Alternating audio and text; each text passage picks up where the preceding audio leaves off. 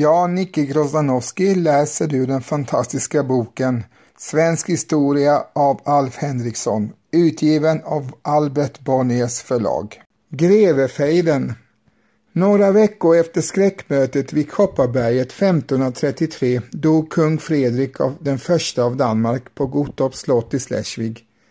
Detta var en allvarlig händelse som inte blott angick Danmark, ty eftersom landet var ett valrike var tronföljden inte utan vidare klar och det rådde djupa meningsmotsättningar mellan olika folkgrupper om hur det nu skulle bli. Bönder och borgare vände strax sina tankar till den fångne kung Kristian. Den lösningen avvisades enligt av den maktägande adeln, som emellertid hade två andra kandidater att välja på. Närmast till hand stod den döde kungens äldste son som hette Kristian och omedelbart hyllades som hettig av sina arvländer Schleswig och Holstein. Han var ivrig lutheran och gjorde ingen hemlighet av detta, vilket gjorde att alla präster och en stor del av världsliga frälstet motarbetade hans kandidatur i det kommande kungavalet. Reformationen hade införts i Danmark under Fredrik den förste som med brutala metoder hade framtvingat klostrets avfolkning samtidigt som han oklokt och försiktigt höll sin hand över en del lutheranska predikanter av vilka Hans Tausen var den mest betydande. Men någon protestantisk land var Danmark alltjämt ingalunda och antalet av dem som inte ville veta av någon lutheran på tronen var stort.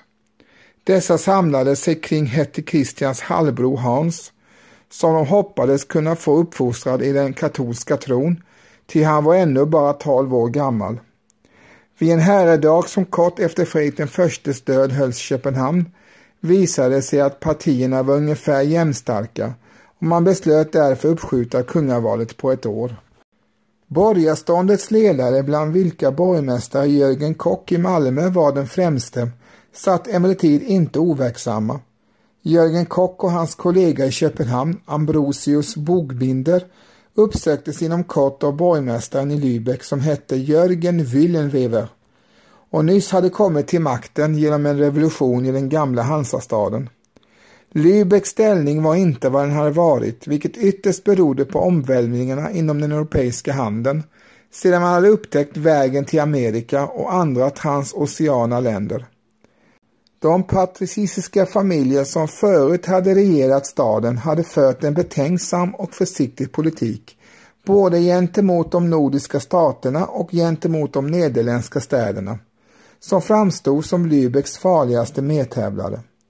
De nya männen var järvare och siktade i första hand till att stänga ute konkurrenterna från Östersjön och till den ändan tog Wilhelmwevert kontakt med de båda Öresundsstäderna och uppgjorde tillsammans med deras borgmästare en äventyrlig men lovande plan.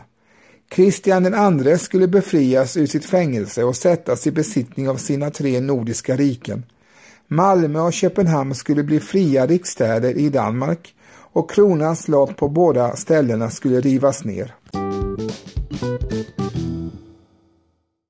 Att befria den gamle kungen Kristian II var ingen lätt sak, ty Sönderborg på Als där han satt fången låg i Schleswig, där hertig Kristian härskade och fängelset var för övrigt mycket solitt. Våren 1534 började Lübeck emellertid plötsligt krig.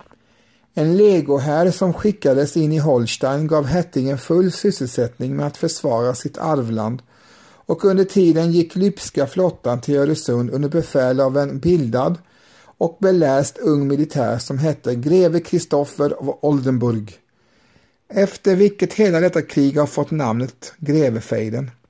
Han gick i land på Själland strax norr om Köpenhamn och mottog folkets hyllning på den fångne kungens vägnar. Köpenhamn öppnade strax sina portar och även slottet och flottbasen gav sig och därmed var hela Själland i grevens händer.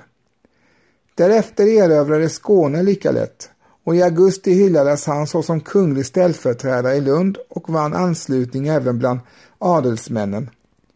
Gustav Trolle, som skyndsamt hade infunnit sig i Danmark för att verka för kung Kristians sak, sattes till biskop i Roskilde, men förflyttades inom kort till biskopsstolen i Odense på Fyn. Till den avsatte själländske biskopen köpte tillbaka sitt ämbete av greven. Denne gick dock ingalunda den katolska reaktionens ärenden. Tvärtom innebar hans seger att luthersk gudstjänst återinfördes överallt i städerna där den efter Fredrik förstes död hade avskaffats av biskoparna.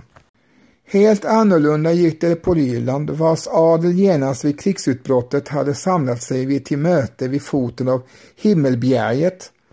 Prästerna tvangs där att gå med på att välja Hette Kristian till kung av Danmark och till att bringa honom bud om detta utsågs man bland annat hans dittills mest energiske motståndare, biskop Stygve Krumpen, känd i våra dagar såsom en titelfigur i en vidlyftig roman av Tith Jensen. Hette Kristian hörsammade naturligtvis villigt kallelsen och hyllades i augusti såsom dansk monark av Jyllands ständer utanför Horsens. Samtidigt utbröt en allmän bonderesning på norra delen av halvön där en fribrytarkapten vid namn Skipper Clement sattes i besittning av Alborg och därmed organiserade ett bistert gerillakrig mot adeln, vars gårdar till stor del brändes ner och förstördes. Han vann också ett regelrätt fältslag mot en kavalleristyrka under befäl av Erik Banner på Karlö. Gustav Vasas släkting och forna vän. Men därmed var det också slut på hans framgångar, ty kriget avgjordes i själva verket i andra änden av halvön. Under befäl av holsteinaren Johan Rantzau, som var en utmärkt fältherre, gick Hette Kristians trupper till angrepp direkt mot Lübeck, vars försvarare greps av panik och skyndade sig att sluta separatfred med hertigdömena Schleswig och Holstein. Därmed hade Lübeckarna prisgett sina danska allierade och Rantzau vände sig först mot den jylländska bonderesningen som slogs ner snabbt och eftertryckligt. Ålborg togs med storm vid jultiden och fick uppleva ett ohyggligt blodbad. Skipper Clement tillfångatogs och avrättades så småningom. Bönderna ådömdes ofantliga böter och förlorade därigenom i stor utsträckning äganderätten till sina gårdar, som övergick i adelns hand. Johan Rantzau överföll nu sin armé till Fyn. Befälet över motsidans styrkor på denna ö fördes av Gustav Trolle och greve Johan av Hoja, Gustav Vasas svåger som nyss hade råkat i tvist med denne. Kungen hade nämligen vägrat godkänna vissa betalningsutfästelser som greven på hedersord hade gjort i egenskap av svensk förhandlare i Lübeck och sommaren 1534 rymde Johan av Hoja med sin familj från Sverige över Östersjön, lämnade sin grevinna i Reval i Lettland och fortsatte själv till Lübeck där grevefejden just hade börjat och hans tjänster var välkomna. Gustav Trolle och Johan av Hoja angrep nu Johan Rantzau vid en finsk plats som hette Öxnabjerg. Men där led de ett förkrossande nederlag som i all synnerhet gladde Gustav Vasa. Ty Johan av Hoja blev kvar på slagfältet och Gustav Trolle föll svårt sårad i fiendens händer och fördes fången till Gottorp. Gustav Vasa skrev omedelbart till segraren och begärde att få ut denna sin dödsfiende utlämnad. Men innan denna önskan kunde effektiviseras dog den forne svenska ärkebiskopen lyckligtvis av sina sår. Gustav Vasa var svåger även med hertig Kristian, vars gemål nämligen var syster till hans egna unga drottning. Men med denne stod han på bästa fot med, eftersom deras politiska intressen för ögonblicket sammanföll fullständigt. Medan greve Kristoffer lät hylla sig i Skåne på Kristian IIs vägnar hade svenska trupper brutit in i Halland, tagit Halmstad efter hårda strider och ingått vapenvila med den aristokratiske kommendanten Truid Ulfstand på Varbergs slott. Den framstående lypske generalen Marcus Meyer, Wollenwevers främsta medhjälpare, hade sedan tillfångatagits av en svensk dansk styrka vid Helsingborg i en drabbning som avgjordes på det viset att den danske riksmarsken Tygge Krabbe som dittills hade förhållit sig avvaktande alldeles som Ulfstrand plötsligt läts alla kanoner på Helsingborgs slott spela mot den lypska hären som då greps av panik och måste dagtina inom kort. Svenskar och danskar råkade emellertid strax i tvist om vem som skulle ta hand om Marcus Meyer och frågan löstes tillfälligt så att han sattes i förvar hos tredje man, nämligen hos Turid Ulfstrand i Varberg. Denne var för tillfället en glad och lycklig man, ty han firade just sin smekmånad med fru Görild fadersdotter Sparre, ägarinnan till otaliga gods i Norge och Sverige och en behövlig styvmor till sju små ulfstandar från ett tidigare gifte. Möjligt är att han var rent av förblindad av den sin lycka. En natt i mars hände det nämligen att den borgerligt sinnade kaplanen på slottet oförmärkt genom ett lönnligt hål lyckades hissa upp en skara fientliga knäktar som raskt överrumplade besättningen och befriade Marcus Meyer. Herr Truid befann sig just då av någon anledning i sitt stall som låg utanför borggården och när beväpnade borgare kom springande ner för staden för att ta honom till fånga fick han i all hast ut en häst och red i galopp från Varberg till svenska lägret i Lund där han mottogs med bekymrade miner. Emellertid fick eh, han inom kort med sin armé och tog sig oförtröttligt vidare till Varberg för att belägra staden och borgen. Där fru Görid och de sju barnen nu var Marcus Meyers fångar. I november ökades deras antal för övrigt med en åttonde liten pilt som fru Görild märkligt nog lät döpa till Nils, fast en av hans halvbröder redan hette så. Kuppen i Varberg var nästan den enda militära medgång som Jörgen Wullenwever och Jörgen Kock och greve Kristoffer kunde fägna sig åt sedan 1535 hade börjat. På sommaren detta år, ungefär samtidigt som Gustav Vasa blev av med sina personliga fiender vid Öxnesbjerg, besegrades den dansk-libyska flottan i grund utanför Svenborg på Fyn av en svensk-dansk-tysk exkader på bortåt 50 skepp under befäl av svensken Måns Svensson Somme och dansken Peder Skram. Därmed var kriget i det närmaste avgjort, ty motgångarna hade till följd av att det utbröt revolution i Lübeck, varvid Wullenwever stöttades och den patriciska styrelsen återinfördes. I maj 1536 tog Trulid Ulfstrand äntligen tillbaka Varberg och hela sin stora familj efter ett bistert bombardemang med fartygsartilleri. Malmö och Köpenhamn höll stånd ännu en tid och öppnade först under hösten sina portar för segraren, som redan föregående sommar hade hyllats av den skånska menigheten på Lybers hög vid Lund under namn av konung Kristian III. Marcus Meyer blev avrättad, Ambrosius Bogbinder i Köpenhamn begick självmord och Hetty Kristoffer lämnade Danmark efter att knästående har nödgats åhöra ett ampert strafftal av konungen. Men den smidiga Jörgen Kock lyckades vinna dennes förtroende och återfick tämligen snart sin ställning som borgmästare i Malmö, vars politiska självständighetsdröm var nu skringlagd. Följderna av grevefejden Grevefejdens utgång fick viktiga verkningar i alla Nordens länder. I Danmark hade bondeståndets frihet krossats under inbördeskriget och borgarståndets politiska självständighet var också förbi. Några dagar efter sitt intåg i det besegrade Köpenhamn lät Kristian III plötsligen häkta biskoparna av Ribe, Roskilde och Lund och genomförde en kyrklig reformation vars statuter för övrigt genomlästes och godkändes av ingen mindre än Luther. Biskopsämbetet avskaffades officiellt i Danmark och kyrkan ställdes under ledning av sju kungliga superintendenter, men biskopstiteln för dessa del kom snart tillbaka av sig själv.